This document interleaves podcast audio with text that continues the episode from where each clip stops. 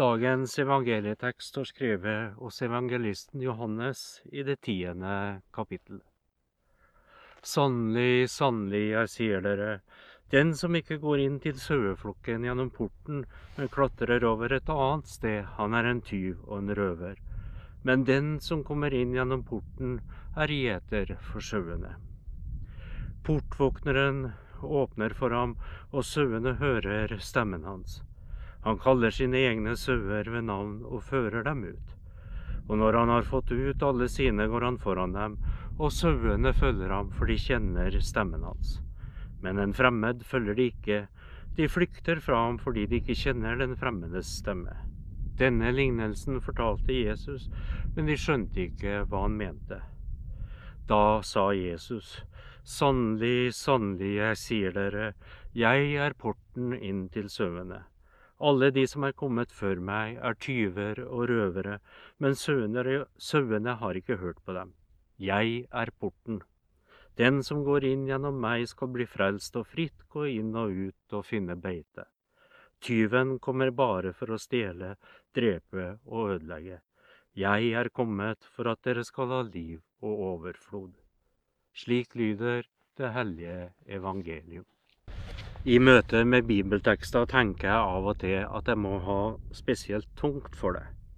For ofte synes jeg det er vanskelig å forstå hva som menes. Og det til tross for at jeg har ei seks år lang utdanning fra universitetet som i stor grad handler om nettopp å forstå og tolke bibeltekster. Nå ja, det var nå en sannhet med modifikasjoner.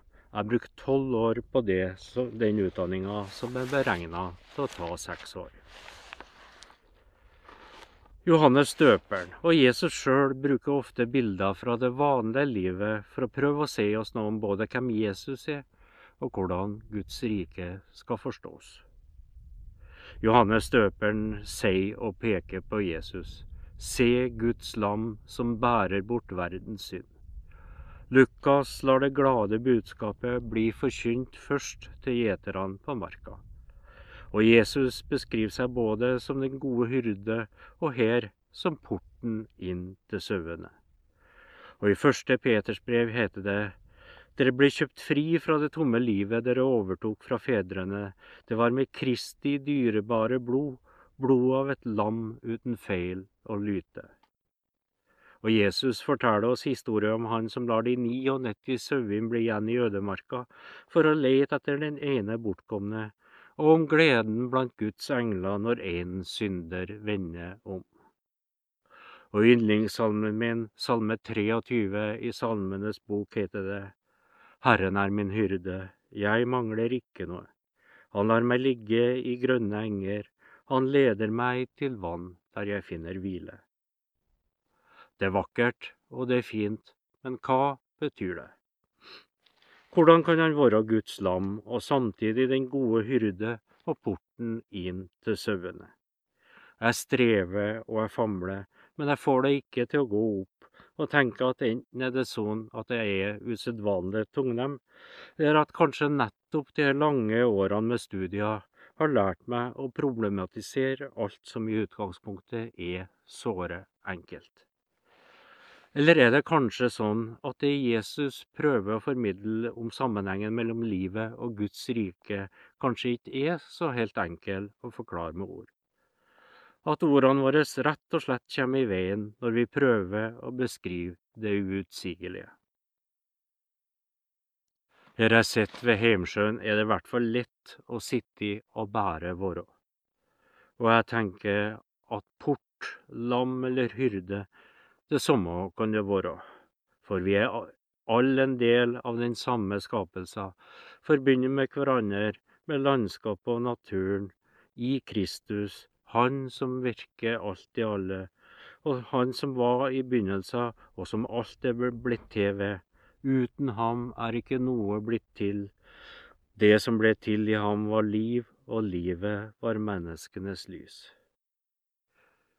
Her ved Heimsjøen og ved alle andre plasser blir det her sant, og vi kjenner at Han har kommet for at vi skal ha liv og overflod. La oss sammen be Herrens bønn. Vår Far i himmelen, la navnet ditt helliges. La riket ditt komme. La viljen din skje på jorden slik som i himmelen. Gi oss i dag vårt daglige brød, og tilgi oss vår skyld slik også vi tilgir våre skyldnere. Og la oss ikke komme i fristelse, men frels oss fra det onde. For riket er ditt, og makten og æren i evighet. Amen. Ta imot velsignelsen. Juppmelle datnem boresjogonotei datnem varjele. Juppmele jitse orredeine dyttjen tjauka, je dyttjen ormake orre. Juppmele jitse orredeine dogouka jora, je dyttjen ræfjem vata. Herren velsigne deg og bevare deg. Herren la sitt ansikt lyse over deg og være deg nådig. Herren løfte sitt åsyn på deg og gi deg fred.